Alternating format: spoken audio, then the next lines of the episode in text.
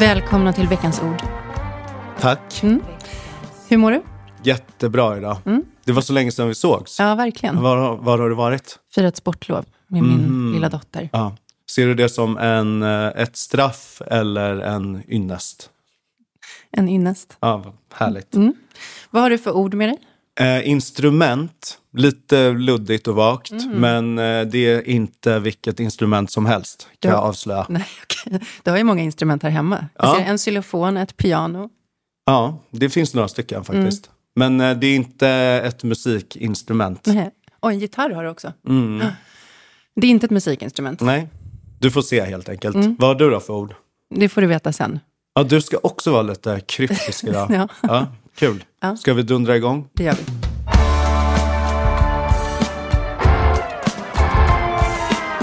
För några år sedan eh, bestämde jag mig för att åka på en ensamresa. Det här var mitt i pandemin och jag hade haft ett fruktansvärt sommarjobb som jag såg som, lite som eh, arbetsträning. Det var inte det jobbet jag fixade till dig. Var det det? Nej, nej det? var ju toppen. Men det kan jag tyvärr inte berätta om här. Eh, det var ju lite fuffens. nej, det här var ett annat. Mhm. Och um, jag behöver inte hänga ut dem heller. Nej. Men jag hade varit eh, ledig länge, Mm. så att det var lite som att arbetsträna. Mm-hmm. Eh, och ja, jag hade precis eh, med nöd och näppe lyckats ta mig ur en jävligt stormig relation med en galen brittisk kille. Mhm, Var det han som bodde på det här hostelet i ja, ex exakt. Mm. Eh, precis. För, eh, för lyssnarna då så kan vi berätta att eh, han bodde på Birka hostel vid Hötorget. Mm. Och Det är ju typ som ett ungkarlshotell kan man säga. Nästan. Fast det är inte, det var ett vanligt liksom hostel bara.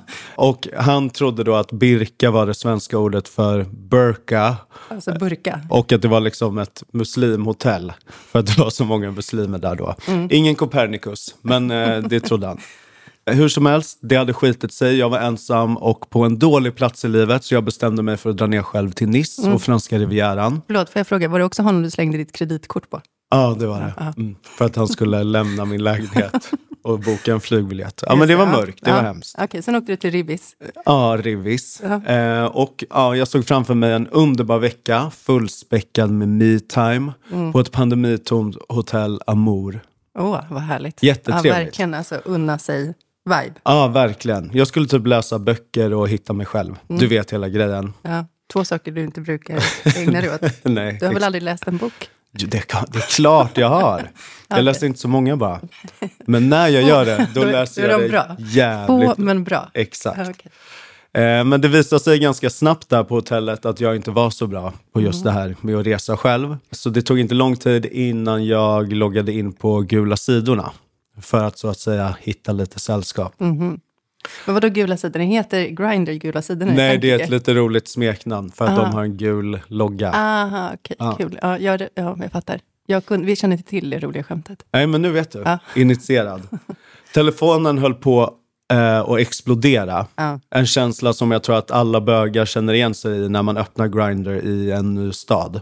Folk är helt svältfödda så, så fort det kommer liksom någon Aha. ny där så blir det helt galen Just stämning. Ja. Och där började jag i alla fall chatta med en kille som vi kan kalla Jean Michel. som befann sig i Monaco. Mm. Du vet grannbyn till Nice. Ja, trevligt. Jättetrevligt. Jag och Jean Michel bestämmer i alla fall att vi ska ses i Monaco senare den kvällen. Okej. Eh, Så efter en dag på Plage Amour går jag upp till hotellet, beställer in lite bubbel på rummet Eh, och med nästan lite liksom tragisk förväntan och desperation och pirr i magen så börjar jag fixa mig i ordning inför dejten. En känsla du känner igen. Man står där Absolut. framför spegeln. Absolut. Men varför kändes det tragiskt? Nej, men för det känns så jävla... Va, här, hit åker jag och ska liksom ragga, du vet. Ja. Ja. Men anledningen till att jag berättar om allt det här, det här minnet, är för att jag tänker att vår utrikesminister Tobias Billström hade ungefär samma känslor av förväntan och pirr i måndags. Ungerns parlament hade ju då med stor majoritet äntligen röstat för ett svenskt inträde i NATO. Mm. Med samma iver och desperation som jag citat bokade på den här monegasken på Grindr Ja. bokade Billström regeringsplanet för att Ja. sticka på en miniturné till både Washington och Bryssel för att fixa med det sista och framförallt fira att vi hade blivit fullvärdiga NATO-medlemmar. Mm. Het på gröten. Det får man säga. Det enda som kvarstod från ungerskt håll var att deras president eller talman skulle skriva på ett papper. Omröstningen var ju klar och hur jävla lång tid kan det ta att måla en kråka?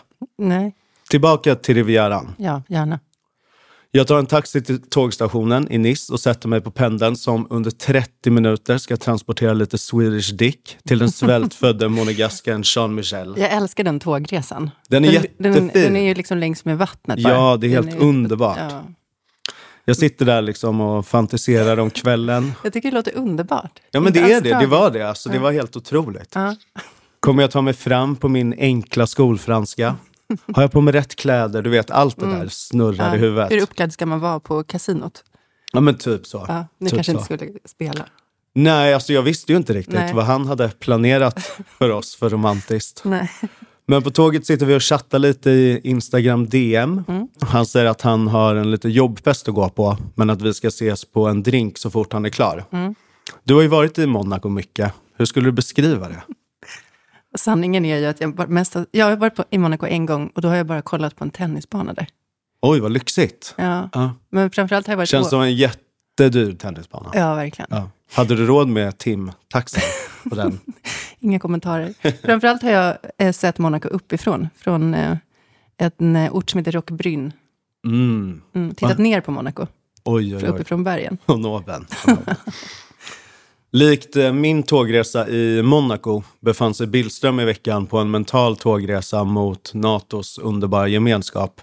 Tobias och alla andra i regeringen hade förberett sig på ett snabbt och effektivt inträde. Något som jag också funderade på när jag kliver av tåget i Monaco. Snabbt inträde i Tobias hade förberett allt in i minsta detalj. Så fort ungen skrivit på papperna skulle han ut på en liten världsturné som jag sa. Stoltenberg skulle officiellt välkomna oss. Regeringen hade förberett ett extra sammanträde för att klubba igenom det här från svenskt håll. Och efter det skulle Tobias träffa självaste Anthony Blinken för att överlämna det som kallas det svenska instrumentet. Oj, vad är det för något? Alltså jag vet inte riktigt. Eh, men jag tänker att det är någon bibba papper som är typ the final liksom, kvitto på att man är med. Typ. Men jag, jag vet inte. Nej. Men eh, tillbaka till tågstationen i Monaco. Där jag är i instrument. stånd att överlämna mitt svenska instrument till Jean Michel. Vi fortsätter texta lite. Han är alltjämt på sin jobbfest men tipsar om en bar där vi ska ses om en stund. Jag hinner tänka ett, det är faktiskt bra att han har jobb. Och två, bra, då hinner jag ta en drink innan. Ja. Hittar baren i fråga och beställer in en draja. Kanske var det så att jag där och då blev en av de där männen som känner sig lite Casino Royale när de tar en draja i Monaco. Jag tänker mig att Billström också tar sig en draja när han väljer vilka kostymer han ska ha på sig under alla de här tillställningarna som väntar i maktens finrum. Han kanske särskilt tänker på vad han ska ha på sig på den där stora NATO-fest som svenska ambassaden i Washington ska hålla. ja, det är ju en historisk eh, grej han ska vara med om. Ja, Och vara instrumentell i. Verkligen. Han har ju drivit igenom det här, Ja. typ, Typ. kan man säga. Med lite hjälp från sossar och sånt där. Hur ska han ha håret? Det lilla som finns kvar. Det här är ju verkligen, som du säger, hans kväll. Så allt måste vara perfekt. Det är inte omöjligt att det blir fler drajor framför spegeln för Billström. Nej, men de slår ju till så snabbt. Jag vet, det är underbart. Men jag förstår honom i så fall. För jag häller i mig den där första drajan på baren på kanske två sekunder. Tänker att det är lika bra att beställa en till. Pirr och nervositet gör något med både mig och Tobias. Och Jean-Michel säger ju att han kommer snart. Tiden går och klockan börjar närma sig 23.30. Han har ännu inte dykt upp. Jag beställer in ytterligare en drink. Skriver typ, är du på gång? Vos, Atay and Root. Oui, oui, som svar en kvart senare. Nu kanske du förstår vad det här är på väg. Jag hinner få in mig kanske åtta drinkar, röka två paket cigg och bränna 900 euro innan jag är full nog att inse att Jean-Michel inte kommer komma. Att jag helt enkelt har blivit dissad. Men förnedringen slutar inte här. Klockan är så pass mycket att jag har missat sista tåget tillbaka till Nice. Försöker boka en Uber och det visar sig ganska snabbt att det inte finns Uber i Monaco. De ska ju vara lite fina och speciella. Så jag frågar bartendern om han kan fixa en bil till mig. Var bor du? frågar han. Nice svarar jag och han skrattar bara. Med Monaco Taxi skulle det kosta alldeles för mycket. Han säger istället åt mig att gå till den franska gränsen till något ställe som heter Beau Soleil. Okej. Har det du varit ju- där? Beausoleil, Ja, vackra solen. Ja. Ja. Men det låter ju väldigt ödsligt att du ska ta dig till någon form av gräns. ja, men det var också det. Ja. För det är ganska backigt där, som du vet. Så jag får helt enkelt knata dyngrak, två kilometer i liksom en jättebrant uppförsbacke för att till slut hitta en Uber som kan ta mig hem. Och som du vet så har Sveriges NATO-ansökan, likt vägen till Beausoleil, kantats av flertalet branta uppförsbackar. Jag har det. Det är därför jag berättar den här historien. För jag förstår precis hur Billström känner. Jag förstår den där känslan av att man har gjort sig sitt finaste, filat på smarta saker att säga, sitt handslag och sen förnedras av bara djävulen. Tobias blev nämligen också stood up. För Ungern har förskjutit Sveriges NATO-ansökan igen. Det blev inga officiella välkomnanden från Stoltenberg, inga mingel på ambassaden i Washington, inga handslag med Blinken, inga flaggceremonier i Bryssel. Det blev ingen kråka på det där sista ungerska pappret, åtminstone inte den här veckan. Vem kunde ana att Ungern skulle bete sig så där monegaskt bögigt ytterligare en gång? Stackars Billström.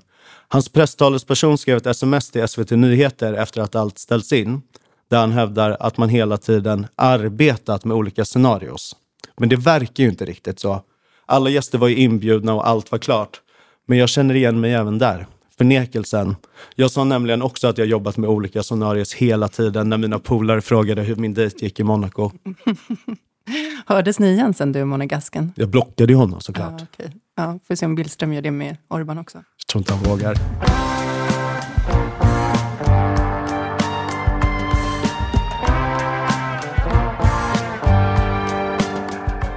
Fitt. Va? Vad sa du? Fitt är veckans ord.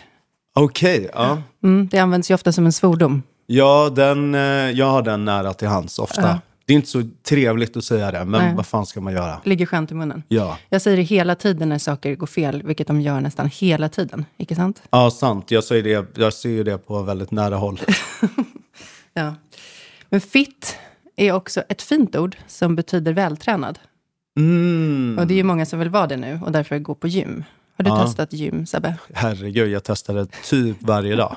Ja, jag skojar bara. Jag vet mycket väl att jag gymmar. När du inte dricker så gymmar du, kan man säga. Ja, det finns två scenarior. Mm. Ja, det där hänger ju ihop, drickande och gymmande. Och nu mer än någonsin.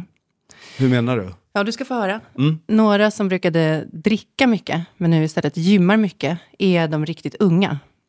Alltså högstadie och gymnasieelever. Du frågade ju mig förra veckan till exempel om mina erfarenheter av fylla i unga år. Jag skröt ju då om hur måttfull jag var som tonåring i förhållande till min omgivning som drack tills de behövde läggas in för magpumpning. Eh, Men jag var inte i närheten av dagens yngre yngre som knappt dricker någonting alls. I jämförelse med dem var jag inte alls måttfull utan bara helt vanligt full. Så vad gör de då istället? Vi lyssnar. Det är mycket skönare att spendera en fredagkväll med ett härligt benpass än att ja, men gå ut och ta en eh, öl. Liksom. Ja, här hörde vi Nathanael Englamo som alltså väljer att träna på gymmet. Änglamo. Han heter så, vadå då? Nej, det var ja, nytt. Sveriges tagnaste efternamn. Kanske. Ja, mycket möjligt. Han väljer i alla fall att träna på gymmet istället för att dricka öl. SVT Nyheter berättar om en undersökning som Region Sörmland har gjort som visar att drickandet har gått ner kraftigt i årskurs 7, 9 och 2 på gymnasiet bara mellan 2020 och 2023. Och att unga istället går på gymmet tre gånger i veckan eller mer. För jävligt. Ja, varför inte låta en tjej komma till tals också? Man kanske fokuserar mer på hälsan, tänka mer träningsrikt och liksom att inte dricka allt för mycket liksom. Träningsrikt. Det är ett ord som inte fanns i min vokabulär när jag var 13. I alla fall. Nej, en rikedom vi inte har talas om förut. Nej. Jag är rik på kärlek. Här hörde vi Hanna Svensson från samma reportage. Ett namn jag gillar mer. Många skulle säkert säga att hon låter som en klok tjej. Hur den ligger till med det står det klart att det här inte enbart gäller sörmlänningar utan ungdomar i hela landet. P4 Jönköping berättar till exempel om att det träningshetsas helt sjukt bland unga killar. Men varför? TikTok, alltså sociala medier som vill visa. Det är väldigt mycket fitness där. att allting ska, alltså man ska bättra sig 2024 eller bara se bättre ut liksom. Här hörde vi 14-åriga Tino Strandberg och 15-åriga Gustav Askeroth. Styrketräning på gym har alltså blivit den vanligaste nya aktiviteten att testa bland ungdomar. Alltså istället för typ fotboll. Ah, okay. ah, just ja, eller sprit för den delen. Men är det, är det så bra att träna när man är så, alltså så hårt när man är så ung? Det finns ju liksom de här kinesiska eh, gymnasterna Mm. som drillas väldigt hårt sedan de är barn. De typ får ju ingen mens och sånt där. Nej, jag vet. Det är inte alls bra. Sen vet jag också att det, här, det finns ju någon form av tillväxtmån på benen, skeletten, minns Ja. jag när jag var väldigt ung. Att Ja. man hörde att man inte skulle styrketräna för mycket för att man kanske liksom rubbar tillväxten på Ja, något sätt. och blir kort. Kort. Ja. Ja. Ah, Kort ja. och fitt. Låt dem hålla på. Beat 24. Tonåringar gymmar som dårar, vilket alltså går ut över drickandet. Eller så har det minskande drickandet banat väg för den här gymhetsen. Vad är hönan? Vad är ägget? Klart är i alla fall att drickandet och gymmandet står i direkt korrelation till varandra. Och det gäller inte bara folk runt byxmyndighetsåldern, utan även Sveriges mäktigaste 60-åring. Byxmyndig sedan länge. Nej, jag pratar inte om Lotta Engberg. nej, nej. I första avsnittet av den här podden bevakade ju du bevakningen av Ulf Kristerssons fest. ETCetras Max Enkelby Karlsson var där för att sätta tänderna i vad han verkade tro skulle bli en blöt och dyr fest på skattebetalarnas bekostnad. Istället blev det en alkoholfri historia där det bjöds på typ vatten och bröd och hela festen gick på blygsamma 80 000 kronor. Ja. Värdigt, kanske vissa tyckte då. Det är tuffa tider. Tänk vilken fin statsminister vi har som håller i plånboken istället för att fira med champagnetorn och bunga-bunga-fester medan folket svälter. Det skulle visa sig att det inte handlade så mycket om att spara pengar som att sörmländska Ulf Kristersson, likt ungdomarna Nathanael Englamo och Hanna Svensson i Region Sörmland, helt enkelt bara vill leva mer Träningsrikt. Häromdagen stod att läsa i våra stora kvällstidningar att Kristersson har låtit rusta upp gymmet på semesterbostaden Harpsund för 487 000 kronor. Rätt mycket dyrare än den här påkostade festen. Han har också byggt ut, eller vad man ska säga, gymmet på Sagerska palatset och sammanlagt sedan 2022 spenderat totalt 653 000 av skattebetalarnas surt förvärvade kronor på gymutrustning. Han har bland annat köpt ett löpband för 70k, en crosstrainer för 64 och två benträningsmaskiner för 94k. Det är tydligt att han prioriterar Härligt benpass. framför sponken. Kroppen är verkligen hans tempel. Och det är väl inga nyheter egentligen, utan har länge varit något av en gimmick. Uttjatad av alla. Vem har egentligen någonsin brytt sig om hans vader? Men är det, han är gammal typ simhoppare? Ja, han är eller väl gymnast också, Ja, ja det kanske han är. Just det. Ja. Ja. Ja, väldigt uh, tajt. Men den här notan komplicerar bilden. Jag kan typ ingenting om vad träningsmaskiner kostar, men folk som gör det, journalister, verkar tycka att löpband för 70 000 är svindyrt. Så jag ja, litar kan, på det. Nej, jag vet inte. Nej, men eh, jag, jag har ingen anledning att misstro deras eh, liksom, omdöme. Nej. Har Kristersson blivit förblindad av ortorexi? Eller är det makten som gör att han inte ser att det finns något dekadent, alltså fallet och ofolkligt i hur bekväm han är med att köpa in olika svindyra träningsmaskiner? Max Enkelby Karlsson måste ju tugga fradga över det här. Han borde ut på fältet nu. Adding insult to injury så har ju gymmet på Kristerssons regerings högborg, regeringskansliet, nyligen tagits bort. Jag vet inte om du känner till det? Jag känner till det Ja, faktiskt. Det rapporterades ju för några veckor sedan. Och jag tänkte på det eh, när det här om Kristerssons gymprylar blåstes upp nu. Folk är alltså skitsura för det, alltså där på regeringskansliet. Det Ja, är det- tusentals tjänstemän som inte har någonstans att gymma längre. Nej, men de kan väl också köpa ett gymkort som alla andra. Ja, du kan, jag kan berätta lite mer om vad, vad svårigheterna är med det. En facket-kvinna, Karina Åbom Engberg, hon säger att det är ett citat jättedåligt beslut. För vissa som jobbar där har tydligen lite speciella tjänster och kan inte lämna huset av säkerhetsskäl. Alltså inte lämna det hur som helst. Nej, liksom. nej, nej, ja. Och för dem har gymmet tydligen varit ett vattenhål, du vet som bara är det för oss. Vad ska de göra nu när de behöver blow-off som Steam? Vi som vid det här laget är övertygade om den direkta korrelationen mellan gymmande och drickande fattar ju vad som kommer hända nu. Där gymmet går ut går spriten in och där spriten går in går vad då Sebbe? Vettet ut. Exakt. Så vi får se vad som händer nu. Men det väcker också så många frågor. Till exempel, varför vill han vara den enda på regeringskansliet som är fit? Alltså om de andra inte tränar så kommer han se otrolig ut i jämförelse. Min dotter har sagt att han är mycket på TikTok. Känner han av pressen därifrån kanske? Beat 24. Ja, han vill vara snyggast där. Som tonårskillarna i P4 Jönköpings reportage. Är det Gallis skönhetsdebatt som spökar? Kanske. Försöker Kristersson också bli skräckinjagande vacker? och vad tycker Birgitta om allt det här? Alla redskap som kommer in i hemmet. Paketen med fula gymloggor som fraktas in över de orientaliska mattorna i hallen. Ulf och hunden Winston som gläfsande kastar sig över dem. Och hon som ler matt men mumlar fitt för sig själv. Han kanske har köpt gymutrustningen till henne. Ja, också, också jobbigt för henne. Alltså hon har ju verkligen ansträngt Hon har ju redan eh, eh, dragit sitt strå till stacken, kan man säga. Ja, och inte minst, vad tycker man, vad tycker vi om en statsminister som tror att han kan komma undan med sin kostsamma fixering vid gymmaskiner för att han hade en billig och deppig alkoholfri fest? Ja, så många frågor som sagt. Min enda fråga till dig, Sebbe, är dock hur mycket skulle du dricka om du, precis som stackarna på regeringskansliet, inte fick gymma, tror du? Alltså jag kan säga så här, jag hade levt ett jävligt alkoholrikt liv. Ja, samma här.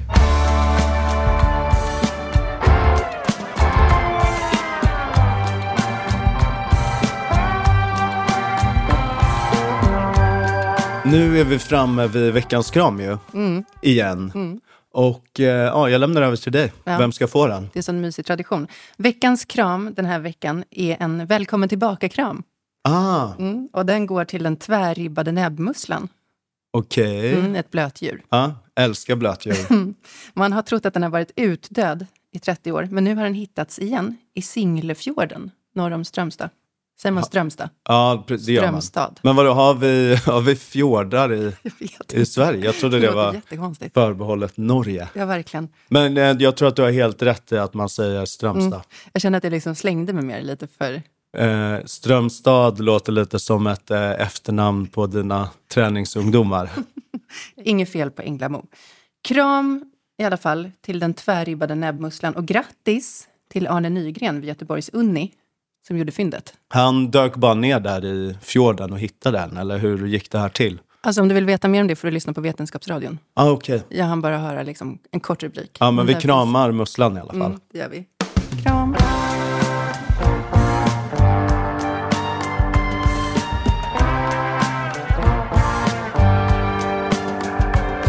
Här har varit veckans ord, avsnitt 6. Är det? Ja, precis. Mm. Exakt. Eh, vi hörs igen. Vem kunde ana att vi skulle hålla på så länge? Vi hörs igen nästa vecka, avsnitt 7. Puss. Puss.